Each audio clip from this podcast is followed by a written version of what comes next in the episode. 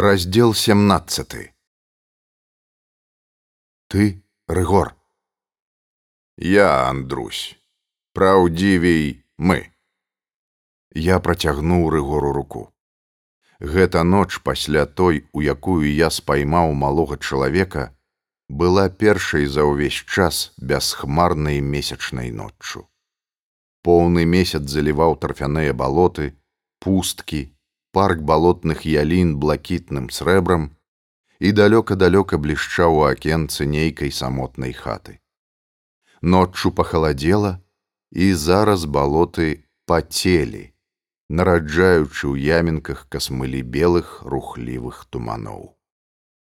Рыгор выступіў з-за хмызоў, якія ляжалі ля паваленыя гароджы, а за ім з'явіліся сцемры людзі. Чалавек 12. То былі мужыкі. Усе ў кажухах мехам наверх, у аднолькавых белых магерках з аднолькавымі чырвонымі лапамі і ўсе яны ў месячным святле былі на адзін твар. Як быццам сама гэта зямля адначасова нарадзіла іх. Удвух я пабачыў доўгія стрэльбы, як у рыгора. Адзін трымаў у руках пулгак, астатнія былі ўзброены доўгімі рацішчамі і віламі, а адзін нават простай дубінай. Гэта хто? здзіўлена спытаў я. Мужики, нутром прогудел Рыгор. Хопить терпеть. Два тыдни тому дикое поляванне затоптало на верасовой пустцы брата вось гэтага мужика. Михалом яго завуць. Михал сапраўды нагадваў Михала бурага дзедзіна. Глыбокія маленькія вочки, скулы шырокія, руки і ногі, не горш як у дубатоўка. Вочы яго былі чырвонымі і апухлымі. Рукі так сціснулі вілы, што аж суглобы пальцаў сталі белымі. Глядзеў ён змрочна і пахмура, але разумна. Хопіць, зноў сказаў рыгор. Зараз нам толькі паміраць і засталося, а паміраць мы не хочам. І ты, беларэцкі, калі што-небудзь заўважыш, маўчы.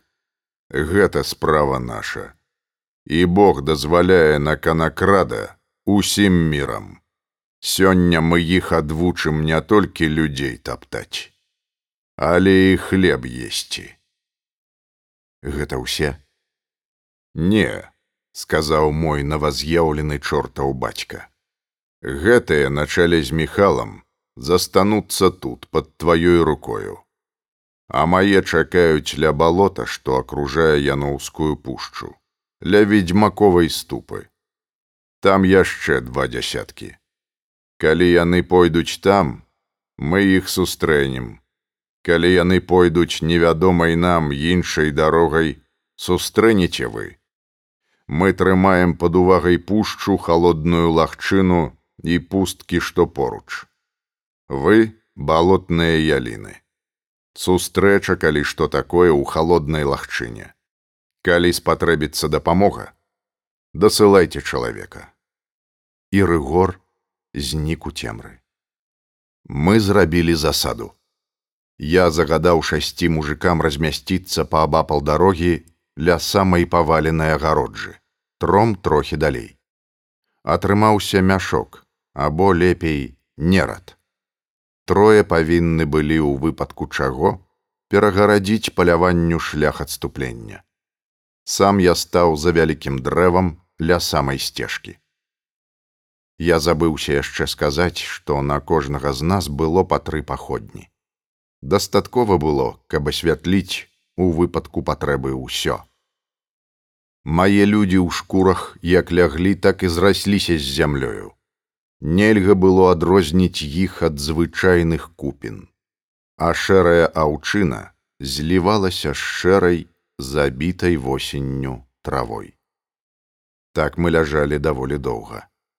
Месяц плыў над балотамі, мільгацелі там нейкія блакітныя іскры, туман то сплываў у суцэльную каню па калена смугу, то зноў распаўзаўся.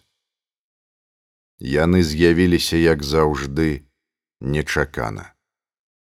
Два дзясяткі туманных коннікаў на туманных конях. Бязгучна і грозна насоўваліся яны. Не звенелі цуглі, не чуць было чалавечых галасоў. Бязлюдная маса рухалася да нас. Развяваліся доўгія валасы і плашчы. Паляванне імчала. А наперадзе, як раней скакаў кароль стах, прыкрыўшы капелюхом твар. Мы чакалі, што яны прылятуць як ветер, але крокаў за сто яны спешыліся, павазіліся ля конскіх ног, і калі паехалі пасля гэтага, паехалі павольным крокам. Да нас даляцеў зусім нечаканы пасля маўчання ляск капытоў. Павольна набліжаліся яны. Вось мінулі дрыгву, Вось пад'ехалі да агароджы, Вось мінулі яе. Кароль стах ехаў проста на мяне, і я пабачыў, што твар яго белы, як крэйда. Вось ён амалля майго дрэва. Я ступіў з-за яго і ўзяў каня за аброч. Адначасова левой рукою, у якой акрамя рэвальвера быў у мяне стэк, я пасунуў ягоны капялюх на патыліцу. Трупна бледны, глядзеў на мяне вялікімі мёртвымі вачыма твар вароны. Ад нечаканасці ён, напэўна, не ведаў, што рабіць. Але затое я добра ведаў гэта. Дык гэта вы кароль стах, спытаў я ціха і перацягнуў яго стэкам па твары. Конь вароны стаў дыбкі і кінуўся ад мяне ў натоўп. У той самы момант грымнулі стрэльбы засады, і ўсё закруцілася ў шалёным моры агню. Уставалі дыбкі коні, падалі коннікі, хтосьці нема крычаў. Я запамятаў толькі твар міхала, які хладнакроўна цэліўся з доўгай стрэльбы сноп агню вырваўся з яе.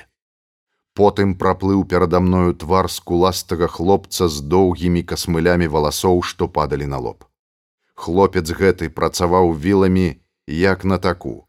Пасля ўзняў іх і з жахлівай сілай усадзіў у жывот каня, што стаў на дыбкі. Коннік, конь і хлопец упалі разам. А я стаяў і нягледзячы на тое, што стрэлы нарэшце загучалі і з іхняга боку, што кулі пасвіствалі ля маёй галавы, на выбар страляў па конніках, што мітусіліся ў нашым коле. Ззаду іх таксама палівалі агнём. Браткі, нам здрадзілі, даскакаліся, ратуйце, Божа, божухна! На тварах гэтых бандзюкоў я пабачыў жах і радасць помсты авалодала мною. Ім трэба было думаць раней пра тое, што адплата прыходзіць. Я бачыў, як чалавек з дубінаю дзёрся ў сярэдзіну коннага натоўпу і біў ёю наводмаш. Уся застарэлая ярасць. Усё доўга цярпенне зараз выбухнула прыпадкам нечуванага запалу, баявой смеласці хтосьці рыўцом сцягнуў сядла аднаго з паляўнічых і конь пацягнуў яго галавою па карэннях. Праз дзесяць хвілін усё было скончана. Коні без седакоў працягла гігаталі, пехцярамі ляжалі на зямлі забітыя і параненыя. Толькі варона, як д'ябал круціўся сярод мужикоў, адбіваючыся мячом. Рэвальвер ён заціснуў у зубах. Біў ён вельмі добра. Пасля пабачыў у натоўпе мяне. Твар яго перакрывіўся такой жахлівай нянавісцю, што нават зараз я памятаю яго і часам бачу ў сне. Стаптаўшы канём аднаго з сялян, ён схапіў рэвальвер. Трымайся, падла, адняў яе, табе таксама не мілавацца. Селянін з доўгімі вусамі пацягнуў яго за нагу з каня. І толькі таму я не ўпаў на зямлю з дзіркай у чэрапе. Варона зразумеў, што яго зараз сцягнуць з каня і стрэлам ва ўпор паклаў на месцы даўгавусага. І тады я, паспеўшы ўставіць новыя патроны, высадзіў у яго ўсе шэсць куль. Варона хітнуўся ў сядле, капаючыся рукамі за паветра, але ўсё ж павараціў коня, збіў на зямлю скуластага хлопца і памчаў у напрамку да балот. Ён усё хапаўся рукамі за паветра, але яшчэ сядзеў у сядле і разам з сядлом, відаць, лопнула папруга, з'язджаў на бок, пакуль не павіс паралельна зямлі. Конь збочыў, і галава вароны з маху ударылася аб каменны слуп агароджы. Варона з'ехаў з сядла і гопнуўся аб зямлю. Застаўся ляжаць на ёй нерухомы, мёртвы. Разгром быў поўны. Страшнае дзікае паляванне ляжала на зямлі, разбітае рукамі звычайных мужикоў у першы ж дзень, калі яны трошкі паднатужыліся і поверылі сваім прымхлівым мазгам. Поверылі, што нават супраць зданяў можна ўстаць з віламі ў руках. Я прайшоў па месцы бойкі. Коней сяляне зводзілі ў бок. Гэта былі сапраўдныя палескія дрыганты. Парода, ад якой зараз нічога не засталося. Усе ў палосах і плямах, як рыся або леапарды, з белымі ноздрамі і вачыма, якія адлівалі ў глыбіні чырвоным агнём. Я ведаў, што гэтая парода вызначаецца дзіўнай трывалай машыстай і на хаддзю, і падчас намёту імчыць вялізнымі скачкамі як алень. Не дзіва, што ў тумане мне такімі вялізнымі здаваліся іхнія скачкі. І яшчэ дзве разгадкі прыйшлі нечакана. Па-першае, ля сядла кожнага паляўнічага віселі чатыры глыбокія аўчынныя торбы, якія, відаць, у выпадку патрэбы можна было надзець на ногі коням і завязаць ля бабак. Крок рабіўся зусім бязгучны. Па-другое, Сярод трупаў і параненых я пабачыў на зямлі тры чучалы, апранутыя так, як і паляўнічыя у старыя капелюхі з пер'ямі, капці чугі, але прывязаныя вяроўкамі да сядла. Людзей у вароны відаць не хапала. Але і нашы страты былі значныя. Мы ніколі не перамаглі б гэтай банды прафесіянальных ваякаў, каб не нечаканасць нашага нападу. Але нават і з гэтым атрымалася дрэнна. Мужыкі ваяваць зусім не ўмелі. Скуласты хлопец, якога збіў канём варона, ляжаў на зямлі з разбітай галавою. У даўгавусага мужика дзірка ад кулі цямнела проста ў сярэдзіне лба. Мужик з дубінай, што ўдёрся ў сярэдзіну мішконнікаў, ляжаў на зямлі і стрых нагамі як нажніцамі адыходзіў. Параненых было ў два разы больш. Я таксама атрымаў рану. Куля рыкашэтам шчоўкнула мне ў патыліцу. Мы лаяліся. Міхал бінтаваў мне галаву, а я крычаў, што гэта глупства. Між тым сярод паляўнічых адшукалі аднаго і падвялі да кастра, які мы расклалі перада мною стаяў з вісячай як бізун рукою марка стахевич той самы шляхцюк размову якога з пацуком я падслухаў тады пад дрэвам. Ён быў вельмі каларытны ў сваёй чузе вішнёвага колеру у маленькім капелюху з пустымі похвамі ад шаблі на баку. Ты здаецца пагражаў мужикам стахевич ты памрэш як гэтыя спакойна сказаў я. Але мы можам адпусціць цябе бо адзін ты не шкодны. Ты поедзеш за межы яноўскага наваколля і будзеш жыць. Мы адпусцім цябе тады калі ты раскажаш нам пра вашу дзейнасць Ён павагаўся, паглядзеў на жорсткія твары мужикоў, залітае чырвоным сяйвом вогнішча, на кажухі, на руки, якія сціскалі вілы, і зразумеў, што літасці тут чакаць нельга. Вілы з усіх бакоў абкружалі яго, датыкаючыся да цела. Гэта ўсё дубатоўк, сказаў ён панура. Палац яноўскіх павінен быў перайсці да гарабурды, але гарабурда вельмі запазычыўся дубатоўку. Ніхто пра гэта не ведаў, акрамя нас, людзей дубатоўка. Мы пілі ў яго, і ён даваў нам грошы. А сам ён марыў пра палац. Ён не жадаў нічога прадаваць адтуль, хоць палац каштаваў многа. Варона казаў, што каб прадаць усе рэчы адтуль па музеях, можна было б атрымаць многа тысяч. Выпадак звёў іх з варонай. Варона не жадаў спачатку забіваць яноўскую, хоць яму і паказалі на дзверы. Але пасля таго, як з'явіўся свеціловіч, згадзіўся і ён. Казка пра дзікае паляванне караля стаха прыйшла дубатоўку да галавы яшчэ тры гады таму. У дубатоўка аднекуль ёсць прыхаваныя грошы, хоць жыве ён назнарок бедна. Ён наогул вельмі хітры, вельмі скрытны, вельмі хлуслівы чалавек. Самага разумнага абкруціць вакол пальца. Такім мядзведзям прыкінецца, што далей няма куды. І вось ён паехаў да самай лепшай у нашай краіне стайні, да збяднелага за апошнія гады пана і купіў усіх дрыгантаў а пасля перавёў іх да яноўскай пушчы, дзе мы пабудавалі сховішча і стайню. Усіх здзіўляла, як гэта мы можам імчаць па дрыгве, дзе і крок уступіць нельга.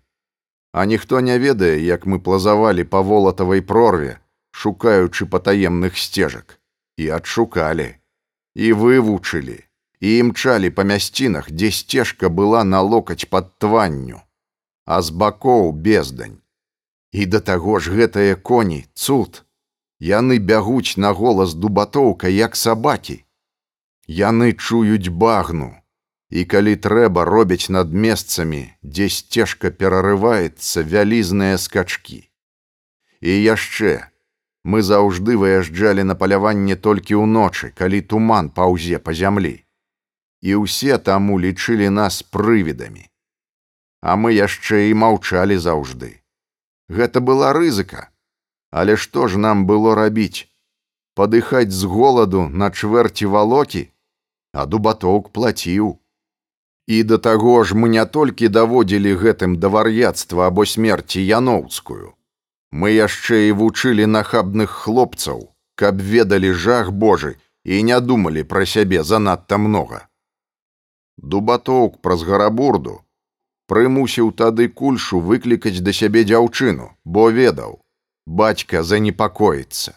І мы падлавілі рамана, перастрэлі яго. Ух, і гонка гэта была, уцякаў як чорт. Але яго конь зламаў нагу. Мы ведаем гэта, з'едліва сказаў я. Між іншым, Раман выдаў вас з галавою менавіта пасля смерці хоць вы ягоным крыкам і не верылі. Не верылі яшчэ два дні таму, калі размаўлялі з пацуком пасля забойства бермана. У стахевіча аж сківіца адвалілася. Я ўладна загадаў яму распавядаць далей. Мы навялі жах на ўсё наваколле. Найміты згаджаліся на тую цану, якую даваў гаспадар мы сталі лепей жыць, а яноўскую давялі да роспачы. І тут з'явіўся ты беларэцкі. Дубатоўк прывёз тады партрэт рамана старога нездарма. Каб не ты, яна была б вар'яткай праз тыдзень пасля гэтага. І тут пан рыгор пабачыў, што памыліўся. Яна была вясёлай. Ты ўвесь час танцаваў з ёю. Дубатоўк назнарок запрасіў цябе, калі перадавалі справы апекі, каб ты пераканаўся, што яна бедная. Ён добра ўпраўляў маёнткам. Гэта ж быў ягоны будучы маёнтак. Але беднасць яноўскай на цябе не падзейнічала, і цябе вырашылі прыбраць. Між іншым сказаў я, я ніколі не думаў ажаніцца з ёю. Стахевіч невымоўна здзівіўся. Але нічога, ты ўсё адно перашкаджаў нам. Яна аджыла з табою. Між іншым дубатоўк сапраўды любіў яноўскую. Яму шкада было яе знішчаць. І каб магчыма было абысціся без гэтага, ахвотна згадзіўся б. І цябе ён паважаў. Казаў нам заўжды, што ты сапраўдны чалавек. Шкада толькі, што не згодзішся быць з намі. Тады на баль дубатоўк прывёз яноўскай стары ўбор бо ён тых, хто не звык да яго, робіць непрыгожым. І сам здзівіўся. Так гэта нечакана добра атрымалася. Словам справы нашы ускладніліся. Трэба было ўбраць і вас і свеціловіча, які меў права на спадчыну і кахаў яноўскую. Дубатоўк запрасіў вас да сябе, дзе варона павінен быў вызваць вас на дуэль. Ён так добра разыграў усё гэта, што ніхто не падумаў, што не ён, а дубатоўк быў натхнітелем справы. А мы тым часам разглядалі вас, бо трэба было добра запомніць ваш твар. Далей кінуў я. Стахевіч завагаўся, але Міхал торкнуў яму злёгку віламі ў месца, адкуль растуць ногі. Марка паглядзеў вакол зацкаваным позіркам з-пад лба. З дуэлю атрымалася глупства. Дубатоўк падпойваў цябе, але ты не п'янеў, ды яшчэ выявіўся такім спрытным, што паклаў варону, і ён сапраўды павінен быў пяць дзён праляжаць у ложку. А як вы маглі адначасова быць у хаце і гнацца тады за мною? За абсадай дубатоўкавай хаты чакалі другія. Навічкі. Мы думалі іх спачатку пусціць па слядах Свеціловіча, калі цябе заб'юць. Але Свеціловіч сядзеў з намі да наступнага дня, а варона быў паранены. Іх пусцілі за табою. Дубатоўк дагэтуль не можа дараваць сабе, што па тваіх слядах пусцілі гэтых саплякоў. Каб не гэта, ты б ад нас не ўцёк ні завошта. І да таго ж мы думалі, што ты ішоў па дарозе, а ты рушыў пусткаю, ды яшчэ прымусіў страціць час перад балотнай лагчынай. Пакуль сабакі натрапілі на след, было ўжо запозна. І дагэтуль мы не ведаем, як ты ўслізнуў тады ад нас спрытняга. Але ведай, спаймалі б, не пашчасціла б табе. А чаму рог спяваў у баку? І яшчэ, дзе гэтыя навічкі зараз? Стахевіч павагаўся. На паляўнічым розе граў адзін з нас, які ехаў нездалёк. А навічкі, вось яны тут ляжаць на зямлі. Нас было раней менш. І мы вялі з сабой коней з пудзеламі ў сядле а частка маладых пайшла да халоднай лагчыны. Мы думалі, што ты там адзін разам са сваім рыгорам вартуеш. Але мы не спадзяваліся, што вас тут армія. І вось дорага заплацілі за гэта. Вось яны ляжаць: пацук, Ян Стэровіч, Паўлюк бабает і нават варона. Ты пазногце ягонага не варты.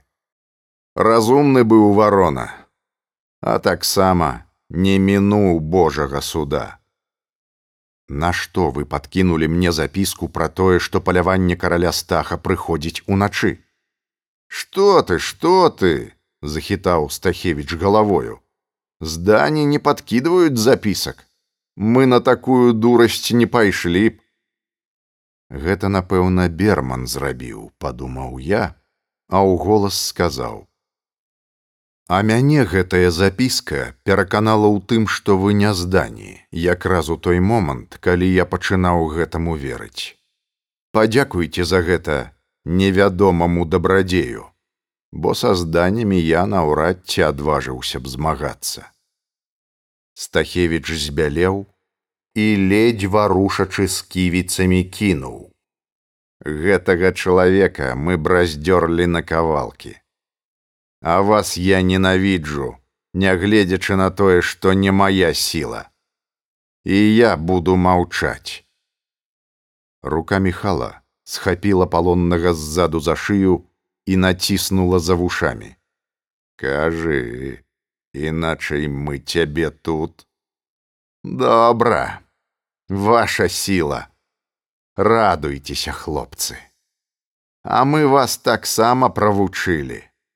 Няхай хто даведаецца, куды галоўныя крыкуны падзеліся з вёскі яркі, якую пан Антось духвіца з зямлі сагнаў. Спытайце ў каго, можа і даведаецеся. Шкада, што дубатоўк не загадаў вас у дзень падсцерагчы і застрэліць. А гэта ж лёгка было зрабіць, асабліва калі вы да кульшаў ішлі беларэцкі і я вас нават бачыў тады. Мы яшчэ тады зразумелі, што вы шворку на нашу шыю згатавалі. Кульша старая, хоць і вар'ятка, але магла пра нас нешта рэкнуць. Яна пачала здагадвацца, што была нашай зброяй у дзень забойства рамана. Давялося яе тады толькі аднойчы з'яўленнем дзікага палявання настрашыць. Галава была слабая, адразу вар'яткай стала. Я аж кіпеў ад усіх тых агідных учынкаў, ад усіх паскудстваў, пра якія распавядаў мне гэты чалавек. Толькі тут бездань шляхецкага падзення адкрылася мне. І я згадзіўся з рыгорам, што гэту пароду трэба знішчыць, што яна пачала смярдзець на ўвесь свет далей паскуднік. Калі мы даведаліся, што рыгор згадзіўся шукаць разам з вами, мы зразумелі, што нам будзе вельмі дрэнна. Тут я ўпершыню пабачыў, як дубатоўк спалохаўся. Ён аж жоўты зрабіўся. Трэба, кажа, канчаць. І нядзеля багацця, а дзеля ўласнай шкуры. І мы з'явіліся тады да палаца. Хто гэта крычаў тады? сурова спытаў я. Хто крычаў, таго больш няма, Вось ён ляжыць. Пацук. Стахевіч відавочна пацяшаўся, распавядаў пра ўсё з гонарам, хвацка і зухавата, з такім заліхвацкім маладзецтвам, быццам вось-вось баладу Рубенштейна заспявае, але я добра бачыў, што ён баіцца хоць добра валодае сабою. Ды я магу амаль так крычаць.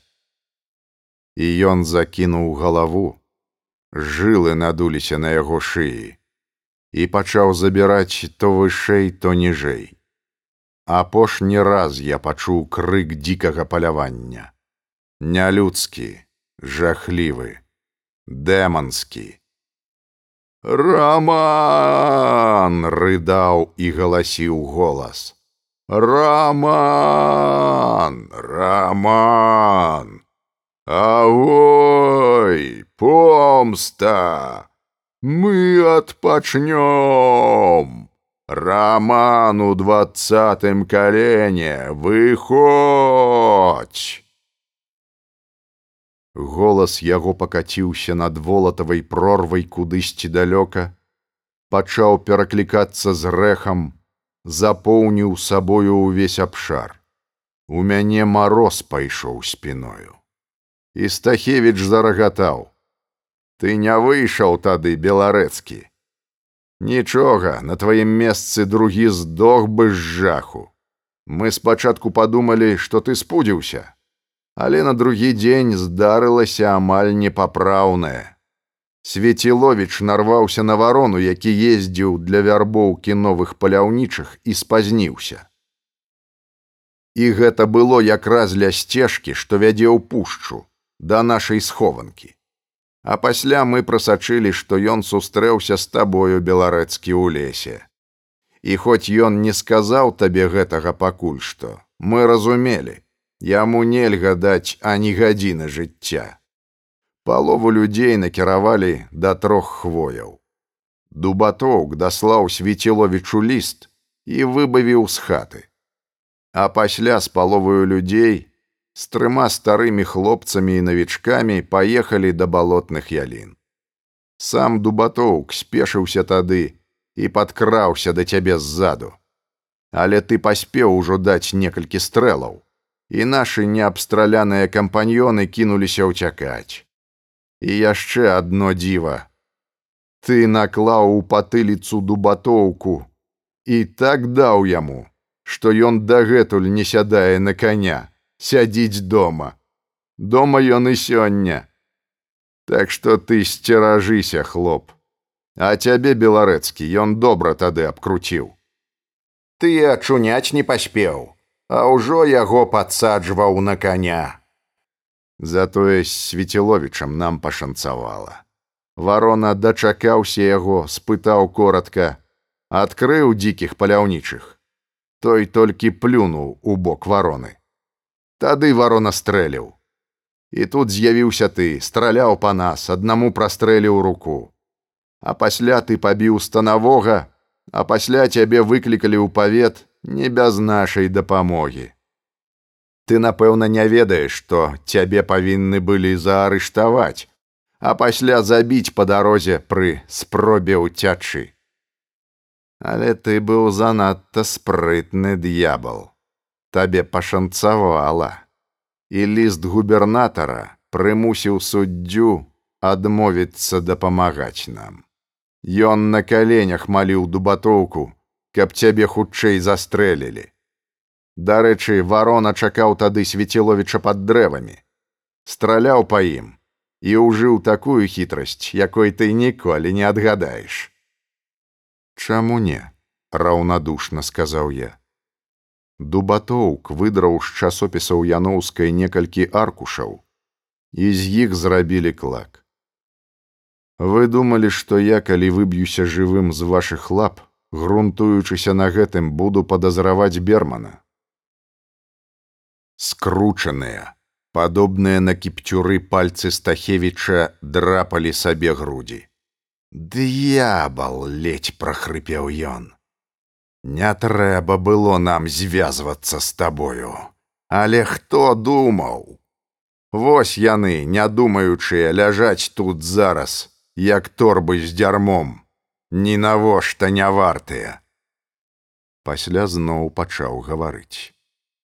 І вось яшчэ наша памылка. Глядзелі за табою, а за хлопамі пакінулі глядзець. За рыгорам пакінулі.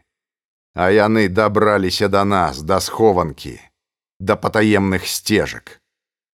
І нават ля крыжа рамана табе пашанцавала. Мы забілі кураня, выпусціўшы цябе з лап. Забілі на скаку, не спыняючыся кокнулі і далей. І пасля толькі пайшлі праверыць. І нават тут нарваліся на цябе як дурні. А пасля знікнуў гарабурда, і мы вырашылі не вяртацца ў гэтую ноч да хаты, перш чым не здабудзем цябе. Вось і здабылі. Хопіць, сказаў я, слухаць брыдка. І хоць ты варты пятлі, мы не знішчым цябе мы далі слова. Пасля мы разбяромся. І калі ты будзеш вельмі вінен, перадамо цябе ў губернскі суд, а калі не, выпусцім. Я не паспеў сказаць гэта, як Стахевіч раптам адштурхнуў двух мужикоў, вырваўся і з надзвычайнай хуткасцю пабег да коней. Вартавому ён даў нагою ў жывот, ускінуў цела ў сядло і з месца ўзяў намётам. На хаду ён павярнуўся і здзекліва крыкнуў: « Чакай яшчэ губернскага суда. Я зараз да дубатоўка. Ён на вас, хлопцы, усю шляхту в аколіцы падыме. Вас тут на месцы пакладуць. І табе, хамло сталічнае, не жыць, і шалаве тваёй таксама. А ты, дурны Міхал, ведай, што я твайго брата нядаўна стаптаў. Тое самае і табе будзе. Міхал павёў у паветры руляй доўгай стрэльбы і, не цэлечыся, націснуў на спуск. Стахевіч моўчкі, быццам так трэба было, кульнуўся з сядла, а баранкам некалькі разоў перавярнуўся на зямлі і заціх. Міхал падышоў да яго, узяў за аброць коня і стрэліў стахевічу проста ў лоб. Пасля ён сурова сказаў мне: « Ідзі наперад атаман. Няўчасна ты з імі добры стаў. Дабрыню прэч. Абыдзецца без марцыпанаў цыганскае вяселле. Ідзі, мы цябе дагонім. Ідзі па дарозе да халоднай лагчыны і не павяртайся. Я пайшоў. І сапраўды, якое я меў права міндальнічаць з імі. Каб гэты здраднік дабраўся да дубатоўка, яны б усё наваколле залілі крывёй. А дубатоўка трэба хутчэй узяць. Трэба ўзяць сёння ж уначы. Ззаду пачуліся стогны і лямант. Там дабівалі параненых. Я паспрабаваў павярнуцца і не мог. Шчыпала ў глотцы але хіба яны не зрабілі б з намі яшчэ горшага. Дагналі яны мяне на палове дарогі да лагчыны. Імчалі на дрыгантах з віламі ў руках. Сядай, атаман, дабрадушна сказаў мне міхал. З гэтымі скончылі, а прорва матухна не раскажа нікому. Вось як з імі. Я зусім спакойна адказаў. Ну і добра, А зараз хутчэй да рыгора. Пасля разам з ім пойдзем на дом дубатоўка. Мы дамчалі да лагчыну ў вокамгнення і там таксама заспелі самы канец трагедыі. Рыгоры два дзясяткі мужикоў збіліся ў лагчыне. Рыгор стрымаў слова хоць са спайманымі ўдзельнікамі палявання не ўчынілі расправы як з канакрадамі, а проста забілі. Перад рыгорам ляжаў на спіне апошні з жывых, зусім маладзенькі шляхцюк. Я так і кінуўся да іх. А той, пазнаўшы па маёй вопратцы, што я не селянін, раптам закрычаў: « Матулька, матулька, мяне забіваюць! Рыгор узмаліўся я. Не трэба, ён зусім яшчэ малады. І я ўчапіўся ў яго плячо, але тут мяне схапілі ззаду за руки. Прэч, гаркнуў рыгор. Бярыце яго, боўдур. А яны дзяцей з яркоў шкадавалі, Тыя з голаду здыхалі, з голаду. Чалавек есці па-твойму не мае права. У яго матулька, а ў нас матулек няма, а ў михалавага брата не было матулькі а ў цябе яе няма што ты такі добры. Слюнчай а ты ведаеш што гэты вось хлопчык малады сёння сымона зошчынага брата застрэліў. Нічога мы ім зараз учынім як у песні ваўкалакаву ноч і рыгор павярнуўшыся з сілаю ўсадзіў вілы ў тое, што ляжала на зямлі. Я адышоў у бок і сеў на кукішкі. Мяне пачало ванітаваць. І я не адразу пачуў, як рыгор, калі забітых пакідалі ўжо ў багну, падышоў і ўзяў мяне за плечы. Дурань ты дурань, ты думаеш, мне не шкада. Сэрца крывёю абліваецца спаць спакойна здаецца ніколі ў жыцці не змагу але цярпець дык цярпець а калі пачалі ўжо дык да канца. Каб ніводнага не пакінуць. Каб толькі мы адны под кругавой парукай ведалі. Малады. Ты думаеш не вырасце з гэтага маладога стары гад? Вырасце. Асабліва пры ўспамінах аб гэтай ночы. Так будзе нашага брата хлопа шкадаваць, што дзіву дасіся. Пусці яго, суд сюды з'едзецца. Мяне з табою у пятлю, Михала і астатніх на катаргу. Крывёю наваколля зальюць, шмагаць будуць так, што мяса з задніц шматкамі паляціць. Я разумею, адказаў я. Трэба, каб ніводны з іх не ўцёк. Я толькі што свецеловіча ўспомніў. Трэба, браце, падавацца да апошняга з жывых, да дубатоўка. Добра, ласкава прабурчаў рыгор. Вядзі. І атрад рушыў за мною ў бок дома дубатоўка. Мы ляцелі намётам і коні імчалі так, як быццам за намі гналіся ваўкі. Месяц цьмяна асвятляў нашу кавалькаду. Кажухі мужикоў, вілы, змрочныя твары, пудзілы на некаторых конях. Нам давялося агінаць балота вакол яноўскай пушчы. Мы даволі доўгі час марудзілі там, пакуль перада мною не ўзніклі верхавіны ліп ля дома дубатоўка месяц заліваў іх мярцвячым святлом і нягледзячы на позні час пад ліпамі мергалі тры ружовыя агеньчыкі. Я загадаў людзям спешыцца сажнях у пяцідзесяці ад дома і акружыць яго плотным колам. Паходні трымаць у руках і быць гатовымі па сігналу запаліць іх. Загад выканалі моўчкі сам я пералез праз нізенькую агароджу ў сад і пайшоў між радамі амаль ужо голых яблынь залітых мігатлівым святлом месяца. Хто з коньмі спытаў я ў рыгора які ішоў за мною. Хлопец адзін. Ён у выпадку чаго сігнал нам дасць. Свішча надта ўжо добра. Просто салавей разбойнік. Коні на калені падаюць Мы краліся далей, і боты нашы мякка ступалі па мокрай і леснянай як мак зямлі.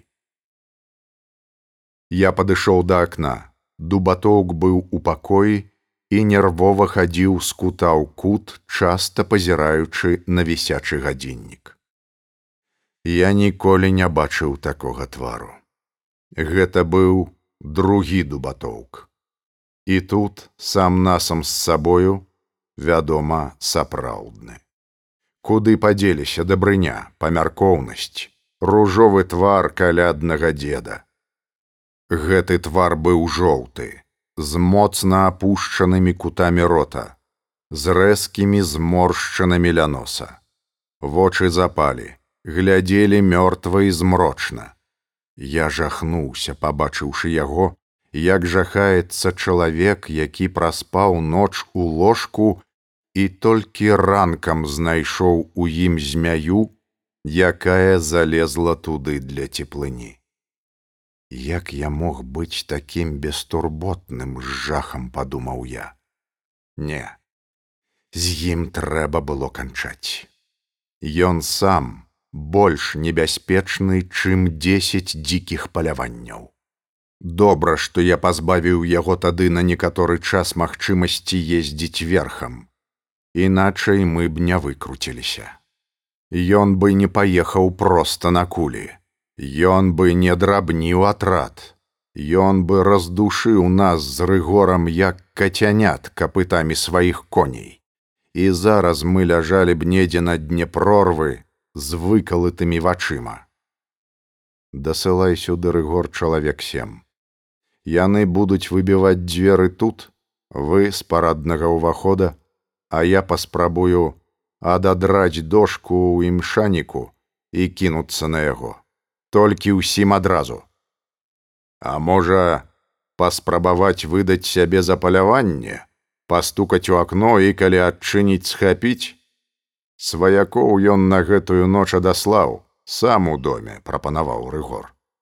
Нічога не атрымаецца. Гэта хітры ліс. А ўсё ж паспрабуем разумееш крыві шкада Глядзі хлопча, каб горш не было, пакруціў я галавою. Коней падвялі да дома. Людзі мае загаманілі. Я з радасцю пабачыў у акно, што твар пана рыгора прасвятлеў, як быццам ён дачакаўся нарэшце.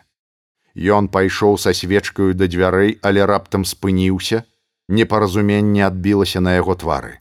У той самы момант ён дзьмухнуў на свечку і пакой патануў цемры. Справа зрывалася. Хлопцы крыкнуў я: Акружайце дом! Пачуўся тупат бягучых ног, воклікі. З двух бакоў пачалі ламаць дзверы, біць у іх цяжкім. А з мезаніна адначасова прагучаў стрэл. І адразу за стрэлам пачуўся з вышыні нялюдскі ад ярасці голас. Абклалі сабакі, Чакайце, шляхта так не здаецца. З другога акна мезаніна вылецеў сноп агню. Дубатоўк, відаць, перабягаў ад акна да акна, страляючы ва ўсе бакі па падступаючых людзях. Ого, Ды ў яго там цэлы арсенал, ціха сказаў рыгор. Слова яго перарваў яшчэ адзін стрэл малады хлопец поруч са мною пакаціўся па зямлі з прабітай галавою. Дубатоўк страляў лепш за лепшага паляўнічага палішука. Яшчэ стрэл. Прыціскайцеся да сцен, крыкнуў я. Там кулі не дастануць. Кулі нашых хлопцаў, што стаялі за дрэвамі, адбівалі трэскі ад бярвенняў мезаніна, пырскалі атынкоўкай. Але зразумець, у якім акне з'явіцца дубатоўк было нельга перамога наша абяцала быць піравай. Андрэй грымеў голас дубатоўка. Ты таксама атрымаеш сваё. Па маю душу прыйшлі д'яблы, аддасцё свае душы. Паходні паліце, крыкнуў я, кідайце іх на дах. У той самы момант палыхнулі вакол дома тры дзясяткі агнёў.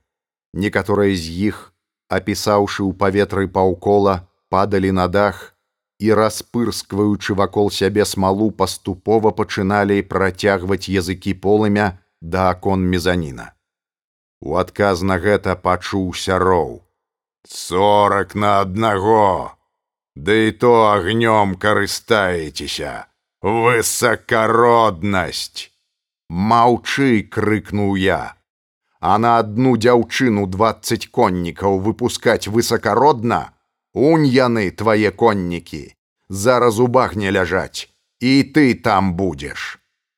У адказ для маёй галавы цокнула абатынкоўку куля. Дом дубатоўка палаў. Жадаючы быць далей ад сценкі, я мятнуўся да дрэў і ледзь не ўпаў. Куля караля стаха праспявала ля майго вуха нават валасы заварушыліся. Полымя ахапіла мезанін. Я ўскінуў рэвальвер і адначасова стрэліў. Дубатоўк дзіка завыў. Полымя заглядвала ў мезанін, і там у агні самі пачыналі страляць загадзя зараджаныя стрэльбы. Мы супакоіліся і зусім былі адышлі ад дома, які ператварыўся ў суцэльную свечку. Калі раптам голас хлопца ля коней устрывожыў нас. Мы глянулі ў той бок і ўбачылі дубатоўка, які вылез з закінутага сутарэння сажняў у 50 ад дома. А прапеў зубамі рыгор. Забылі, што ў лісіцы ў нары заўжды другі ход ёсць а дубатоўк пятляючы бегу напрамку да волатавай прорвы. Правая рука яго вісела. Відаць, я ўсё ж пачаставаў яго. Ён бег з хуткасцю нечаканай для яго таўшчыні. Я стрэляў з рэвальвера далёка. Цэлы залп вырваўся са стрэльбаў маіх людзей, хоць бы што. Дубатоўк прабег невялікі паплавок, з маху кінуўся ў балота, і пачаў скакаць па купінах як коннік з такой хуткасцю, што ў вачах мільгацела. Апынуўшыся на бяспечнай адлегласці, ён пагразіў нам кулаком. Трымайцеся, пацукі, даляцеў да нас ягоны страшны голас. Ніводнаму з вас не жыць, шляхецтвам, імем, крывёю сваёй клянуся, выражу вас разам з дзецьмі. Мы былі ўражаны. Але ў гэты момант свіст такой сілы, што ў мяне забалела ў вушах, аддаўся над балотамі. Я глянуў у той бок і пры святле пажара ўбачыў, як хлопец торкнуў аднаму каню проста пад хвост калючы сухі бадзяк, зноў свіст. Статак дзіка гігатаў. Коні ставалі дыбам. Зразумеўшы план гэтага юнака, мы кінуліся да дрыгантаў і пачалі сцябаць іх. У наступны момант ахоплены панікаю статак памчаў да волатавай прорвы. На некаторых конях яшчэ сядзелі постаці фальшывых паляўнічых. Дзікі пошчак капытоў раздзёр ноч. Коні імчалі як шалёныя.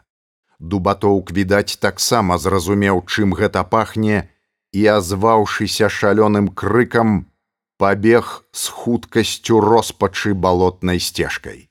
Ён бег, а коні за ім, прывучаныя да гэтага тым, хто зараз уцякаў ад іх. Мы бачылі, што шалёна імчала дзікае паляванне караля стаха пазбаўленае коннікаў. Развяваліся ў паветры грывы. Твань ляцела з-пад капытоў, і зорка гарэла над галовамі коней. Бліжэй, бліжэй! адлегласць паміж дубатоўкам і шалёнымі коньмі змяншалася. У адчаі ён збочыў са сцежкі, але звар'яцелыя коні збочылі таксама. Крык споўнены смяротнага жаху даляцеў да нас. Ратуйце!